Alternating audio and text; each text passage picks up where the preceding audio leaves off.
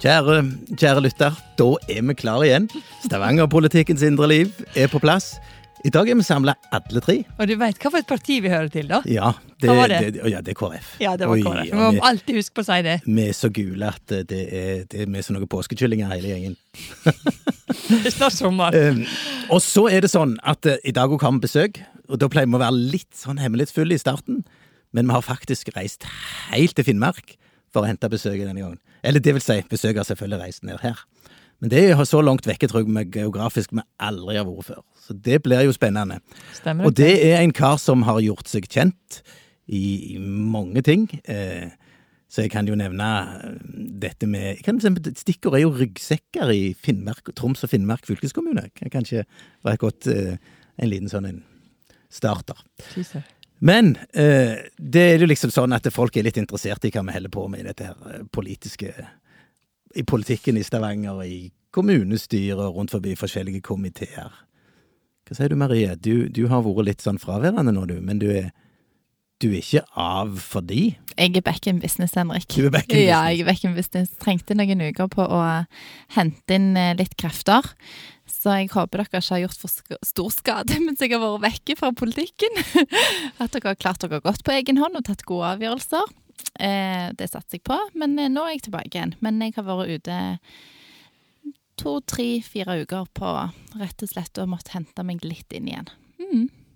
Ja, ja, men det er bra. Det har jo vært en, egentlig en ganske heftig debatt om, om, eh, om flere på Hundvåg som ikke fikk barnehageplass. Ja, den har jeg fulgt nøye. den? Den har jeg fulgt veldig nøye. Ja. Og det viser seg jo at vi som oppvekstpolitikere må være enda mer på når det gjelder tallmateriale før vi legger ned barnehager. Det tenker jeg vi må lære fra den saken. Ja, for det var en litt stygg sak. At, uh, sant? At Ja, fordi at vi fikk jo noe eh, på en måte rett før vi la ned den, eller ikke KrF, men rett før oppvekststyret la ned den barnehagen på Roaldsøy, så eh, var det jo noen som kom og sa men tallmaterialet her virker rett og slett ikke godt nok. For det var mange som hadde telt, og det var mange som mente at det er nok unger som gjør at vi trenger denne barnehagen. Og så spurte vi administrasjonen er vi sikre på at tallene er helt 100 sikre, og fikk tilbake en ja, det er de. Så ble barnehagen lagt ned. Og nå viser det seg at det er unger som trenger barnehage i Hundvåg bydel, og vi har ikke det tilgjengelig. Så det var nok kanskje en tabbe. Og så må de til Stokka. Men dette var jo ikke vi med på, så vi må jo Nei, KrF var ikke med på det, men, men det er klart at KrF kunne òg kommet i en vanskelig situasjon hvis vi hadde vært med på dette. Og det er jo uansett en vanskelig situasjon fordi at flertallet la ned denne barnehagen.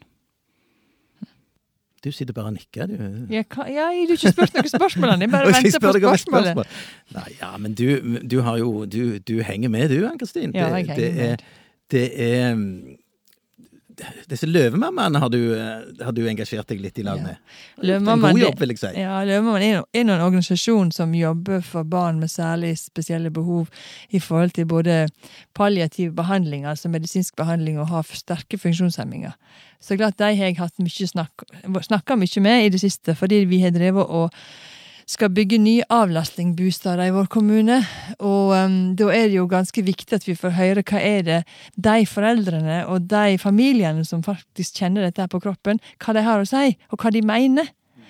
Og det syns jeg faktisk ikke vi har tatt nok på, nok på alvor. Og jeg hadde jo et forslag i Helse og velferd som jeg mente at um, denne avlastningsbostaden som var foreslått på Mosvangen, de måtte sendes tilbake til kommunen, og der brukerne liksom har ansvaret for det, måtte være med helt fra starten av.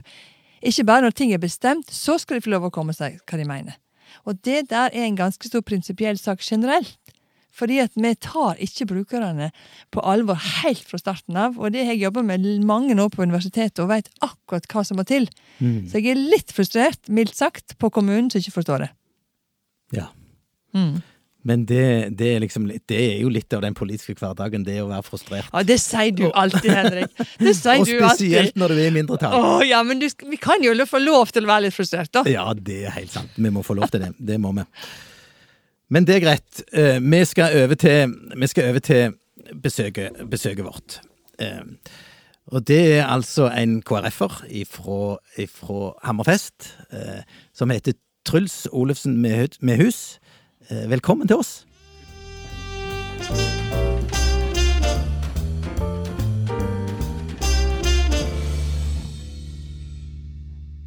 Tusen takk for at jeg fikk lov å komme.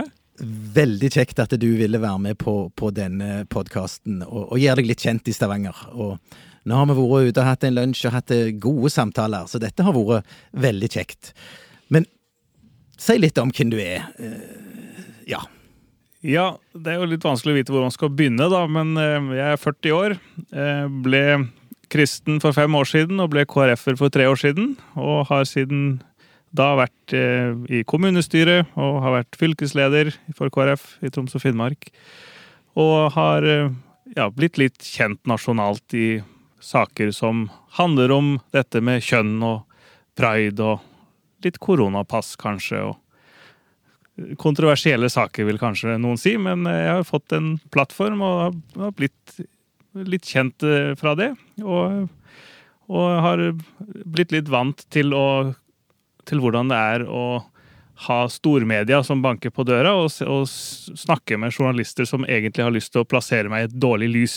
Mm. Så det er vel eh, det er vel kanskje sånn jeg omtales oftest, tror jeg. Litt kontroversielt. Har, har, du, har, du, har du, møtt uttrykket 'mørkemann'? ja, det er vel et av de mildeste uttrykkene jeg har blitt kalt, vil jeg si. De siste to årene, i hvert fall. Mm. Men, eh, men, nå så er det litt sånn at nå, nå syns jeg det er veldig stas, fordi at eh, det er så mange positive som, som setter pris på det engasjementet jeg har for KrF. Eh, og de sakene jeg tar i. Og, så jeg opplever det som en takknemlig jobb nå da, å stå og være i stormens øye, så er det veldig stille. Og, så, og når du bare beveger deg fra øye til øye, så virker det veldig rolig. Men, um, men jeg tror at, jeg tror at det, er, det har vært mye mediestøy og mye bruk av sosiale medier. Det er vel det som forbindes med navnet mitt da, nå. Mm.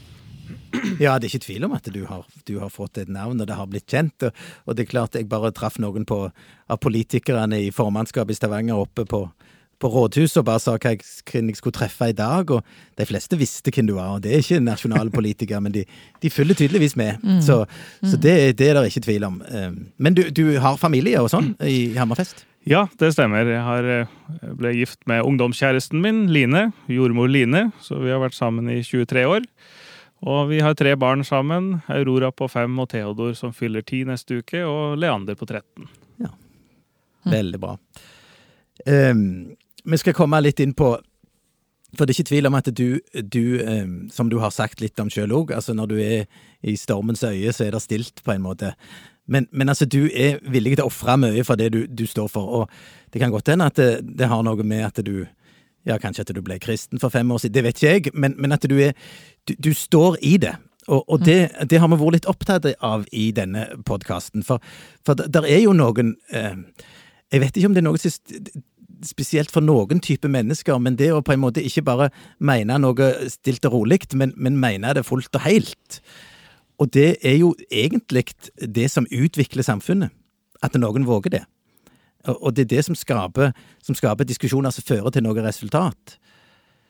Og der er vi veldig fascinerte av eh, sånn som måten du, du, jobber på. Så vi er kanskje ikke enige i alt, men akkurat det Men, men kan du si noe om hva som liksom gjør at du Ja, dette Dette vil jeg til bunns i.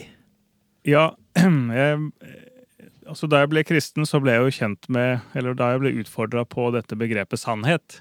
Eh, det hadde jeg vel egentlig aldri tenkt på at var noe før, eh, altså før jeg ble kristen, for da var det sannheter. ikke sant? Din mm. sannhet og min sannhet og vår sannhet. Og, og, jeg tror nok det har en veldig sterk sammenheng med det, det, at jeg ble kristen og har lest Bibelen og fått forståelse for det og satt meg inn i bibelhistorie og sett på hvordan, hvordan kristne har forma egentlig hele verden. Og og eh, i de sakene som, som, da har tent engasjement, det var Jeg kan jo si det at det starta med at uh, sønnen min i femte klasse kom hjem, og så sier han 'Pappa, visste du at det fins tre kjønn?' Og da husker jeg jeg reagerte med sånn veldig at Nei, det er feil. Det er bare to, sier jeg. Nei, og da ble guttungen han ble veldig provosert og litt sint, fordi at på skolen så lærer han jo det som er sant. Mm. Og så sier han jo, det er tre kjønn, det er et hen også. Og da ble jeg litt irritert, og så sa jeg nei, det er det ikke. og da kjente jeg, jeg kjente at det hadde betydning. At barnet mitt, Og så sa jeg har læreren din sagt det? Nei. Skeiv Ungdom har vært på besøk på skolen og lært oss at det fins et tredje kjønn. Mm. Og da begynte jeg å grave i den saken. Og jo mer jeg gravde, jo mer fant jeg at det, det var eh, eh, Hva skal jeg si skeiv teori, som det kalles. Eh, altså teorien om at kjønn skal forstås som en sosial konstruksjon og ikke har noe med biologi å gjøre. Det er en teori, og jeg så at den var, hadde jo fått plass i lovverket eh, med juridisk kjønn. Jeg så at eh, det var eh, Arbeiderpartiet og MDG og SV ville jo ha et, innført et tredje kjønn politisk. Og ikke bare det, jeg så at det hang, hang også sammen med det seksualpolitiske. At MDG vil ha foreslo at barn må lære at eh, BDSM skal være en naturlig del av sexliv lære om, av seksualitetsundervisning. Og jeg syns det ble så radikalt, og bare, jo mer jeg leste om det, jo mer skjønte jeg at det, dette her er ikke rett. Og da, da tente det et engasjement, og første gangen jeg gikk ut med noe om det, for jeg hadde ikke gått ut med noe, men november 2019 så laget jeg en video der jeg leste fra Foreningen FRI sin politiske agenda. Altså Foreningen FRI, det er jo da den Foreningen for kjønns- og seksualitetsmangfold. Eh, og den ble delt så mye at 260 000 mennesker så videoen på bare to uker. Og da, det var da jeg gikk fra å være lokalpolitiker med Da var det gjort. Ja, da, da var det gjort. Visste du hva du gjorde når du gikk ut med denne videoen? Var du forberedt på reaksjonene? Ja, jeg visste jo at denne videoen vil ikke majoriteten se. Nei, men at så mange ville dele Ja, nei, så mange ville se? nei, jeg hadde ingen anelse. Jeg hadde, på den tida hadde jeg 600 følgere, som stort sett var fra Hammerfest. Mm. Og i dag så har jeg 6500 følgere. Og, og, og jeg har vel totalt passert over en, en million som har sett videoene mine. Jeg lager sånne enkle informasjonsfilmer og jeg viser til vitenskapen og teorier. Ja, for det, det, er du, det er jo der du virkelig Jeg tror det er det som gjør at folk blir nysgjerrige. For du er veldig god på det med, med fakta og alt det. Men jeg har bare lyst til å spørre Maria om en ting. For dette, du, du, Marie, eh, du er jo kjent for å være For å ha vært der. Altså, du har, du har endra deg litt. Grann. Du må lov å være litt ærlig. Men kjenner du deg igjen? Det er det jeg vil spørre deg om. Kjenner du deg igjen i det som han sier? Eh, ja, det er veldig vanskelig å svare på akkurat det. Jeg syns det er bare veldig interessant å høre på Truls. Det er klart at jeg eh, har vært med i KrF i tolv år, og det er klart jeg kjenner meg veldig igjen i det der at eh, du her har vi en sak som er nødt for å si noe om. Det er for viktig at vi sitter stille i båten. For min del har det gjerne vært spørsmål om abort. Ja, det er en av Eh, grunnene til at jeg ja. spør. Ja, sant. Og der har jeg på en måte gått høyt på banen og prøvd å formidle og, og, og sagt noen ting som har blitt spredt av mange, sånn at det har blitt av nasjonal interesse og sånne type ting. Eh, så jeg kjenner meg jo veldig igjen i Truls sitt engasjement, og liksom Jeg har aldri blitt så kjent og eh, aldri vært så flink på å lage sånne videoer som Truls er, så han er i en egen klasse, men litt Jo, av det, det, har lagd samme. noen du og videoer, du òg, men de Har jeg? Nei, det er vel mer sånn opptak, er ikke det da? Ja, nei, jeg har ikke, jeg har ikke lagt så mye videoer, men, men i alle fall så kjenner jeg igjen i det der ekte engasjementet av at eh, vi har en tro som er med å forme oss på hvordan vi tenker eh, hva som er rett, hva som er sant, hva som er godt i samfunnet vårt, og her må vi på en måte være med å forme.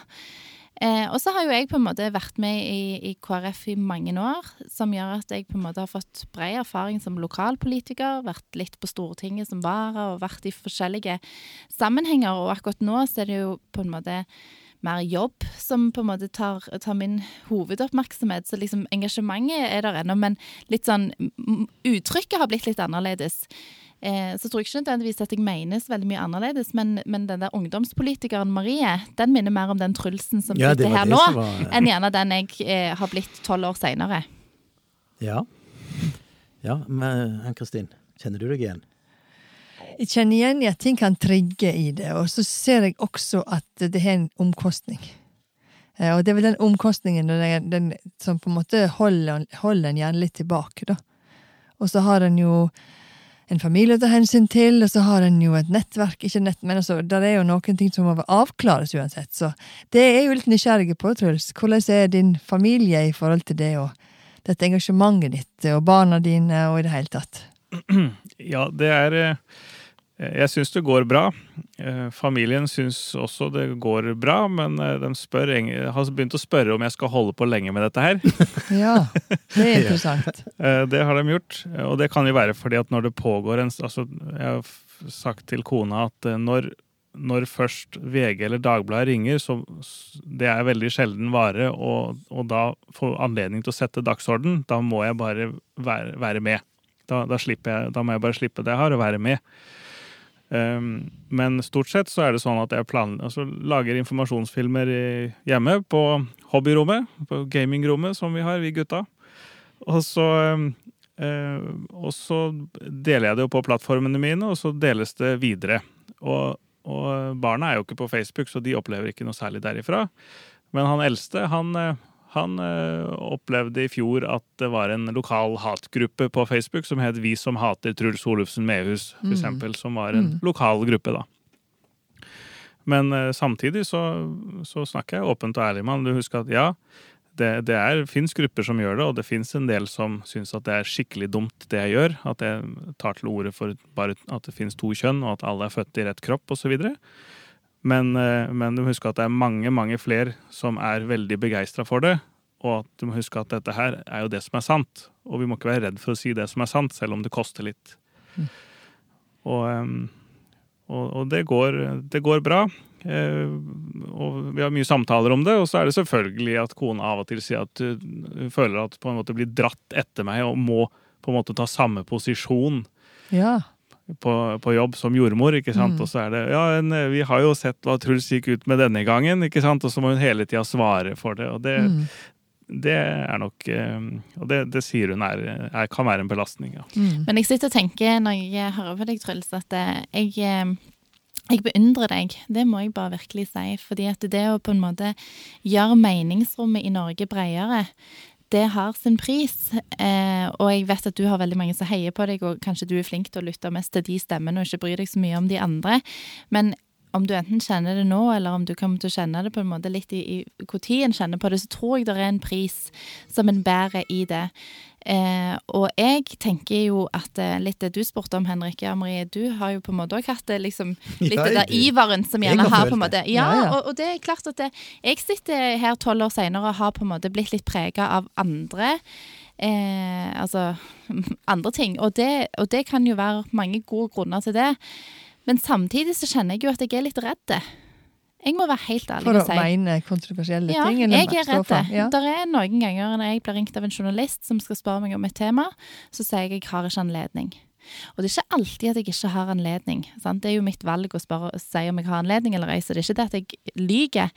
Men, men det er noen temaer som det er så mye fyr i i debatten, og jeg syns det er så lite eh, rom for meningsutveksling, oppriktig meningsutveksling, eh, at jeg velger å ikke ta det. Og der er det, hvis vi alle blir for feige, så blir det veldig lite framgang. For det er nettopp når vi går i flokk at eh, det er fare på ferde. Eh, da er det på en måte den ene da som stiller spørsmål hvor er vi på vei. Det er jo den modigste, og det er jo den som er med å på en måte korrigere og som skaper framgang og vekst i dette samfunnet. Og jeg merker at for min del så, så velger jeg noen ganger den kjipe varianten, og det er ikke alltid det, det kjenner jeg jeg har litt sånn blanda følelser knytta til. Mm. Og det er en taus majoritet i landet vårt som, eh, som jeg tror kjenner på disse følelsene som jeg uttrykker litt nå. At, eh, at en mener egentlig noe, men en, en orker ikke hive seg med i debatten. Og der er Truls veldig viktig. Det var veldig bra sagt, Marie. Vi, er helt, nå sitter vi helt rolig og bare hører godt etter. Nei, Det det, er veldig godt sagt. Ja, men det er jo interessant akkurat det temaet der som du bringer opp nå, i, i forhold til hvilke debatter tar vi faktisk, og hvilke debatter hiver vi oss inn i. Eh, og det der med å faktisk eh, Ja, skal jeg svare på dette, eller skal jeg ikke svare på dette? Eh, og det er jo mange, som sier, den tause majoriteten, som gjerne kommer til oss som er litt profilerte, du, og til Henrik, og til Truls, og til oss, til meg. Dette må vi se litt nærmere på. Her er utfordringa. Hvordan skal vi gjøre dette? Og dette med kjønn i skolen, undervisningsopplegget, og rose og kompetanse, og fri og pride, og alt dette her. Folk tenker virkelig på det nå, for det er så ekstremt synlig. Mm. Mm. Ja, det er det. Men, men nå skal vi over på Dette er interessant, vi kunne holde på lenge, lenge med dette, men vi skal over litt på fakta. For det var jeg litt inne på. Sant? For dette, eh, og jeg, jeg, mener, Hvis jeg ikke husker helt feil, så har Kåre Willoch sagt noe veldig vist om dette. og Jeg, ikke, jeg kan ikke sitere han akkurat, men, men det liksom også på en måte få budskaper ut til folket, sånn at de forstår hva det egentlig dreier seg om, har Willoch sagt mye om. Det, at det er veldig tungt og vanskelig å få til. Sant? Og det, det er et godt poeng, for han opplevde det sikkert veldig sterkt som leder av Høyre og statsminister og hele greia. Og da bare trekke fram én sak. Det at, eh, og, du skal få kommentere den, Truls, jeg bare sier litt. Altså, det at eh, to eh, fylkeskommuner, eller Troms og Finnmark var det vel, som på en måte kjøper inn ransler til, til ungene med, med, denne her regnbueflagget på. sant? Så, så, vet ikke jeg hvordan bevisst det var, det kan vi heller komme tilbake til. Men, men, men det, det, er noe med når, når, folk da bare gir den til ungen sin og fyller den med bøker og sier gå på skolen, hvor mye har de tenkt gjennom det? Og, og, for min del så er det sånn at jeg 17. mai-tog elsker jeg å gå i. Det går jeg alltid i, for det er uproblematisk. Sant? Det er Norge, det er noe som alle står opp for og er viktig for. Men av andre ting så skriver jeg ikke under i hytt og vær på, på underskriftslister og går i tog og står med plakater. Da skal jeg virkelig vite hva jeg gjør, altså. Så, så jeg tenker Det der med å få ut budskapet, og det, det, klarer du på en måte, Truls, uh, syns jeg, da. Men hva har du å si om det sjøl?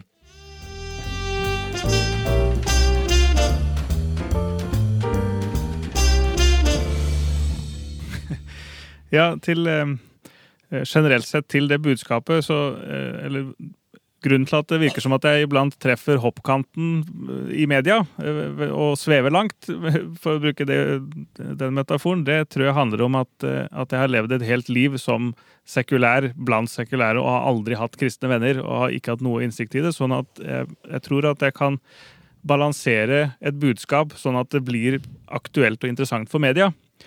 Og, og, da vil de ta tak i det uten at jeg snakker om det kristne i det, men kristne kjenner det igjen. Så, da, så, så det tas godt imot der òg.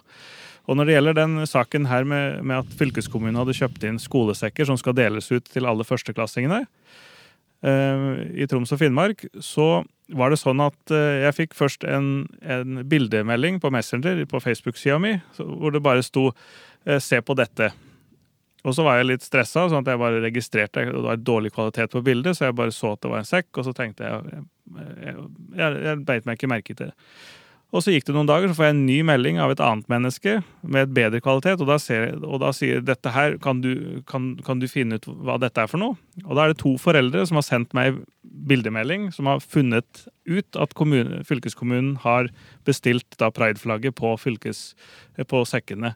Og da, første andre gangen, gikk det opp for meg at det var det det var. For første gangen registrerte jeg ikke at det var Pride-logoen på den engang. Men, men, du må bare klarere en ting. For ja. det, det, var helt bevisst fra fylkeskommunen at det var Pride-logoen? Det, det, var ikke Nei, for det, ikke... det jeg gjorde da fordi at eh, Hvis jeg da gikk rett ut og bare skøyt på Se her, her er Pride-flagg på skolen, eh, skolesekken. Så, så, så, jeg har jo brent meg noen ganger ved å være tidlig ute i, i media.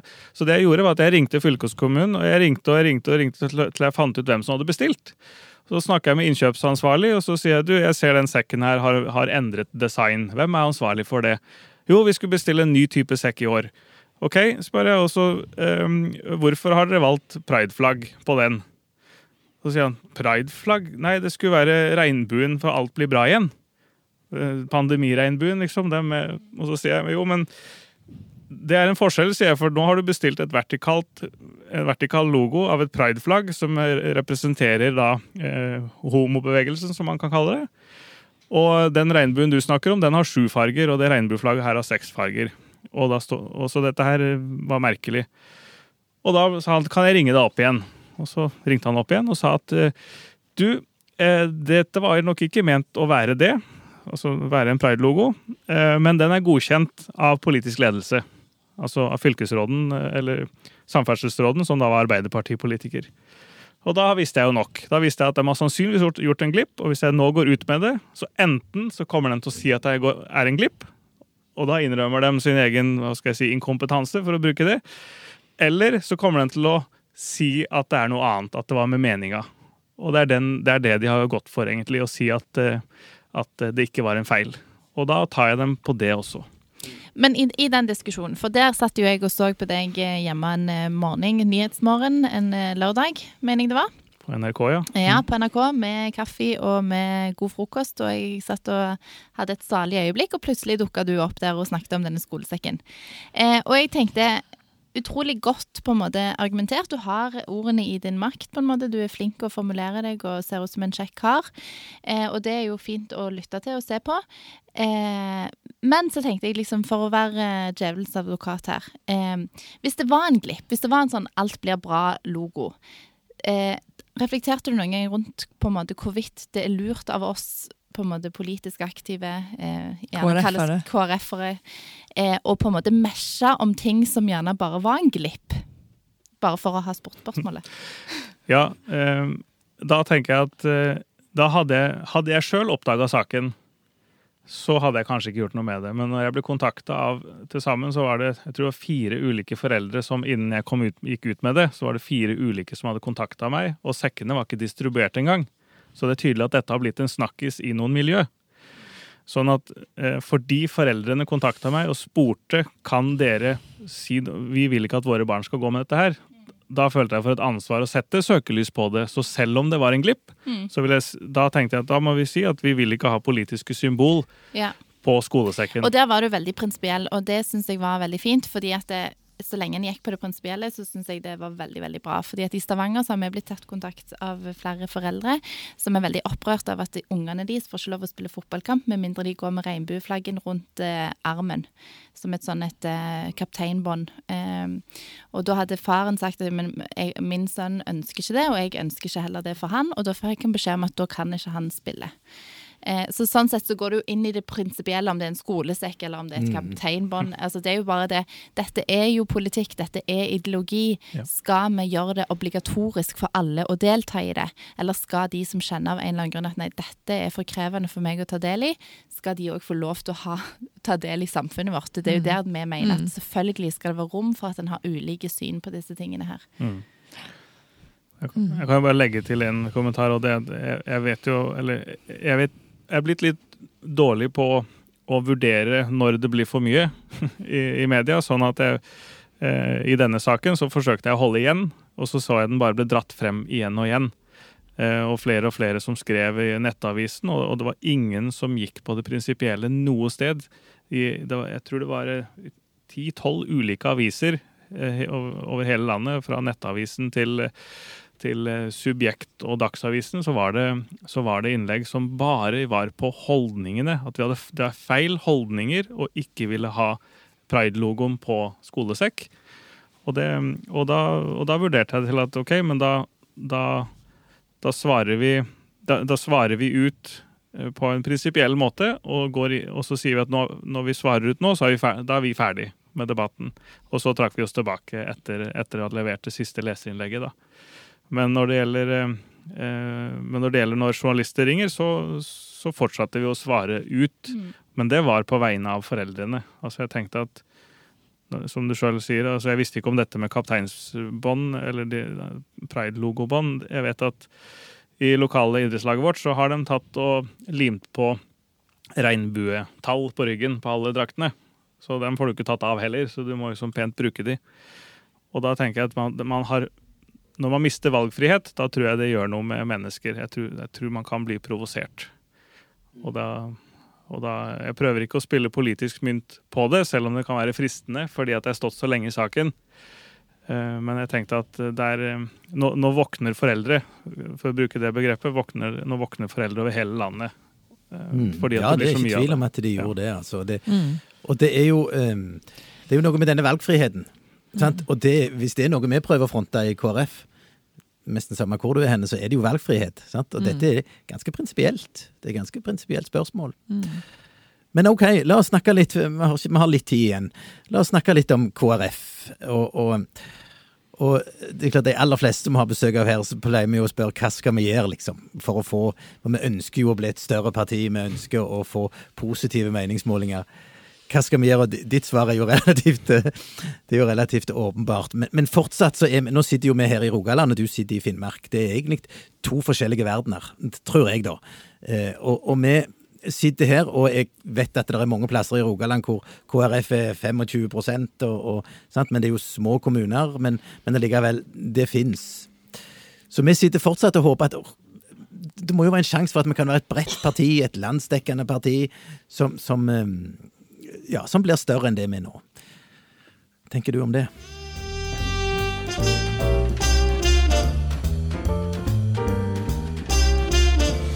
Ja, eh, hvis, man skal, eh, hvis man skal oppnå noe eh, innen merkevarebygging, som, som er min bakgrunn, da, markedsføring og merkevarebygging, så handler det om at eh, folk kan gjenfortelle merkevaren til andre mennesker på en enkel måte.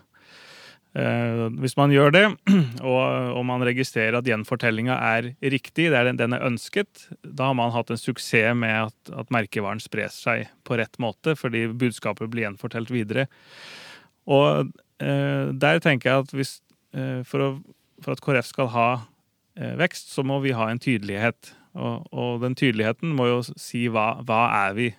Altså hva er KrF, og hva vil KrF? Og, og, så jeg tar jo veldig til orde for tydelighet. Og så tenker jeg at eh, eh, iblant så, så, så, er man kanskje tydelig på saker ikke alle er like begeistra for. Og da men da tenker jeg at hvis man da er, er litt lur i den anledningen lur, Hvis man benytter seg av anledningen man først får medieplattform, nasjonal medieplattform på én sak, så har man også anledning til å velge noe annet enn støtter du dette 100 eller tar du full avstand. For det er det journalistene legger opp til når de skal skape splid i parti. Det har jeg opplevd flere ganger. Så jeg tenker at man kan, man kan, eh, man kan forsøke å støtte Si jeg støtter engasjementet. Eh, men kanskje eh, også komme med sitt eget argument på, på, i, i, samme sak. Sånn at for sånn, det, det, jeg ser nå, at de tydelige stemmene som kommer frem, så virker det som at media prøver å finne noen og si støtter du det, eller tar du avstand? Mm. Og da ser det ut som det hele tida er konflikt mm. eh, i eget parti. Og så vil jeg, det andre jeg vil si, jeg er jo veldig fersk KrF-er, men det virker som at KrF-er er veldig eh, tro til ledelsen altså, vel, altså har, veld, har, veldig tillit til ledelsen sin. Og hvis ledelsen ikke sier noe, da sier ikke noen andre heller, heller noe. Og det er en svakhet. Mm. Så ty tydelighet er, er, et savn, har, har, jeg fått vite, og derfor er det en del som setter pris på min, overtydelighet, kanskje, men den har jo også eh, den har jo også sine begrensninger og, og kostnader. Og, og, derfor tenker jeg at flere bør være på banen. Altså det er en mulighet når, når, en sak går nasjonalt, så er det en mulighet for å, for å faktisk snakke mer om KrF. Mm. Og den, den muligheten syns jeg ikke er brukt i stor grad. Er, me, meningen dette tar signalet? Tydelighet er jo, er jo alltid et uh, det er klart, Da får du satt dagsorden gjerne, og får sagt ifra om ting. Men noe av utfordringen med, med, KrF kanskje er jo det at vi skal være i midten. Vi skal mene litt på høyresida og litt på venstresida, og så blir det litt ullent. Og det tror jeg nok at vi taper på. Og der har jo du vært ultratydelig i den kjønnsdebatten. Eh, og du har vært ultratydelig i andre debatter òg, altså. Som, som noen ting kan jeg støtte deg i, mens andre ting støtter jeg ikke. Eksempel kjønnsdebatten kan jeg støtte deg langt på vei. Jeg mener du har tatt opp aktuelle og veldig viktige prinsipielle spørsmål. Men i den vaksine- og koronadebatten så kan jeg ikke fullt ut støtte deg. Slik at Det spørs hva debatter du ønsker å ta, da, Truls. Det er jo det som kanskje blir spørsmålet, om du faktisk vil gå inn i alle disse store debattene. Og kanskje det kan dempe noen av de, som gjør at det hadde kanskje vært viktigere at du bare sto, sto virkelig for kjønnsdebatten fordi det er så brennende aktuelt. Jeg vet ikke. Ja, så da, da tenker jeg at eh, hvis man skal ha et ja-budskap i kontroversielle saker, sånn som du sier med koronapassdebatten som skapte en del furore. Eh, og eh, da tenker jeg at man kan si at, er, at er veldig, altså, det er positivt at KrF har stor takhøyde. Det er jo en plussak å si noe om. Og eh, man kan si at jeg er veldig tilhenger av ytringsfrihet. Ja, det er en positiv ting, ting å si noe om. Og så si det at eh, jeg sjøl oppfatter saken på en annen måte. Også, da, da, tenker jeg at da, mhm. da spiller ja. man ikke den andre helt ut. Og så vil jeg også legge til at uh, jeg, jeg, har følger veldig med på de som uh, støtter på sosiale medier, i hvert fall. Så jeg legger jo merke til at uh, av, av alle hva skal jeg si, profiler, så er det kanskje én eller to fylkesledere som jeg har sett av og til liksom, samtykke i offentligheten til utspillene mine. Så jeg, så jeg tenker at for min egen del så opplever jeg meg ikke avhengig av, av eh, støtte av ledelsen for å gå ut med noe. Um, og jeg tar gjerne tilbakemeldinger. Men jeg tenker at men det går an å spille hverandre god. Man, man trenger ikke å være med på den ta full avstand eller full støtte. Mm. Og der tror jeg at vi har noe å gå på, det der å spille hverandre gode. Og jeg tror at jo mer trygge vi blir i prosjektet KrF, jo tryggere kan vi òg bli i det å spille hverandre gode. Men det har vært en litt sånn usikkerhet. Hva retning går KrF i? Hva, hva identitet skal vi velge som parti? Eh, og det, den har liksom vært vanskelig å være i eh, på en måte med litt sterke meninger og ønsker tydelighet, når en Mm. egentlig ikke vet helt egentlig hvem en er. Eh, så jeg tror at eh, hvis partiet er enda tydeligere klarer å definere prosjektet, så tror jeg at det, det er lettere å spille hverandre gode og lettere å ha litt profiler. Har dere lest, eh, har dere lest den eh, Godfoten til Nils Arne Eggen? Har lest den boka? Jeg har ikke lest, nei. Nei, Fantastiske bok. Du kan bruke den i enhver organisasjon. Men et av de beste eksemplene er der han Mini Jacobsen skal jeg sikkert en liten fotballspiller. sant? Eh, Det var hans Nils Arne Eggens store mantra. var, Du pøser ikke inn høye baller framfor mål når du har Mini Jacobsen der. sant? Det er et veldig godt poeng. Ja, faktisk. Det, du, du spiller ikke han god da. da. Da kommer jo han aldri til å skåre. Du må jo slå baller som er i hans høyde. Da kan han skåre. Og sånn kan vi virkelig eh, Sånn kan vi virkelig bli flinkere å tenke i KrF, og sikkert de fleste organisasjoner. Mm. tror fleste. Så det er veldig viktig. Og det verste er, tror jeg, i mange organisasjoner, er taushet. Hvis vi på en måte er uenige, men vi bare går inn i en sånn taushet der vi ikke snakker med hverandre og ikke til hverandre, så, så, så vinner vi ikke på det. Jeg har eh, gitt eh, Truls noen utfordringer og tilbakemeldinger i dag som har vært ganske sånn eh, tydelige. Og det er ikke fordi at jeg på en måte ikke setter pris på han eller mener at det han gjør dumt, men hvis han skal spille sko, så har jeg gjort meg noen erfaringer i tolv år som jeg, som jeg syns det er for, for verdifullt å ikke dele med han. Og der tenker jeg at hvis vi snakker med hverandre istedenfor bare å tenke at liksom, han kjører på med sitt, jeg kjører på med ditt, du Henrik, du er i de bobla, Ann-Kristin i si, og så liksom er det fire helt forskjellige prosjekt vi holder på med. Hvis vi på en måte er flinkere på å si men du lykkes godt med det området, og jeg lykkes godt med det, men kanskje vi skal på en måte finne litt bedre ut av det, hvordan vi gjør det sammen. Det tror jeg er nøkkelen til suksess. Jeg Ja. tror eh, Det Snakk tror jeg i sammen. Mm. Men, men, men u- uansett, vi har, vi har, nå er vi egentlig på overtid. Ja, det var veldig interessant. Det var veldig kjekt dette, Truls, at du ville være med på denne, på denne podkasten. Vi har gledet oss til det. Men, men nå er det jo ferie. Du skal på ferie. Ja da, nå skal vi til Sverige, Luleå, med familien og sette opp telt, og så skal vi telte der i to uker og, og gjøre det vi pleide å gjøre før pandemien, da. Ja. Og det er, jo, det er jo flott å tenke på at en Da har en noe å glede seg til. Ja. Dere damer, dere tar ut på ferie, gjør dere ikke det? Ja, jeg vet det, det blir ikke så veldig mye sånn Jeg skal, Nei, jeg skal ha ferie. Du har jo vært verden Jeg har vært verden rundt det siste halvåret, vet du, så nå skal jeg ikke reise så langt. Men uh, vi skal, jeg skal jo da, som jeg sa tidligere, gifte vekk en sønn, og skal gifte vekk ei datter. Så dette blir fantastisk denne sommeren. Og så skal vi være mye i Stavanger og på Vestlandet og kjøre bil. Og jeg skal til, til Cannes, og jeg skal, skal til Nis, og jeg skal Ja, til Monaco. og Jeg skal til den franske rivieraen og kose meg gløgg, og tror kanskje at jeg får noen øyeblikk av magi midt mellom slagene med fire unger på slep. Så vi satser høyt og, og tror at det blir nydelig å feriere på den franske rivieraen. Men eh, i, med alder på ungene to, fire, seks, åtte, så blir det spennende Blir det travelt? Ja, det blir Ingen. Men det er Hardanger. Nei, Jo, jo, selvfølgelig skal jeg til Hardanger. Ei uke til Hardanger først, og være på Jones med storfamilien. Eh, bade i familieglede. og Drikke så- sider ifra spann. Ja, noe, noe sånn. Ja, Og så, så skal vi på, til det store utland. Og i, i dag kom passa. Så vi er Å, så yay! lykkelige. At, eh, Så bra. så bra. Jeg gleder meg sånn. Bare Så tar gled på meg en fin kjole og Mhm. koser meg, og ungene får ordne seg. Ja, ja, ja. Bare vit at eh, ferie det kan jo være litt travelt òg, da. Ja, det kan det. Ja. Nei, det må ikke være travelt. Det kan være Nei, det. nei, det blir ikke travelt. Det, da bare kobler vi ut. Ja, Nå er du for stor unger. Du, bare, du husker vel tilbake når du hadde små barn? Ja, Var det aldri travelt for din del? Var det kona som gjorde alt? Kona gjorde alt. Vi må ta den i stripe. Veldig snille unger hadde jeg. Utrolig Kunne snille de unger. svømme alle sammen? Altså Når du hiver tre unger i et badebasseng, ingen av de kan svømme, så må du jo følge godt med. Det er travelt. Ja. Vi har hatt noen episoder vi kan, og dette var en utfordring, faktisk. Okay. Ja, Nei, men nå, nå, dette, dette, Henrik, du har hatt det for godt. Det Ja, du har hatt det altfor nå har vi vært veldig seriøse i dag. Vi har hatt viktige, viktige Nå tar det sporet dette helt av. Så nå, nå tar vi sommerferie, folkens. Det trenger vi. Ja, det gjør vi. Lykke til alle sammen, og tusen takk for denne podkasten. Det var veldig kjekt. Ja, og kontakt oss gjerne, som vi alltid sier, i ulike medier. Takk. Absolutt. Ha det bra, og god sommer. Ha det God godt. sommer! Ha det, ja.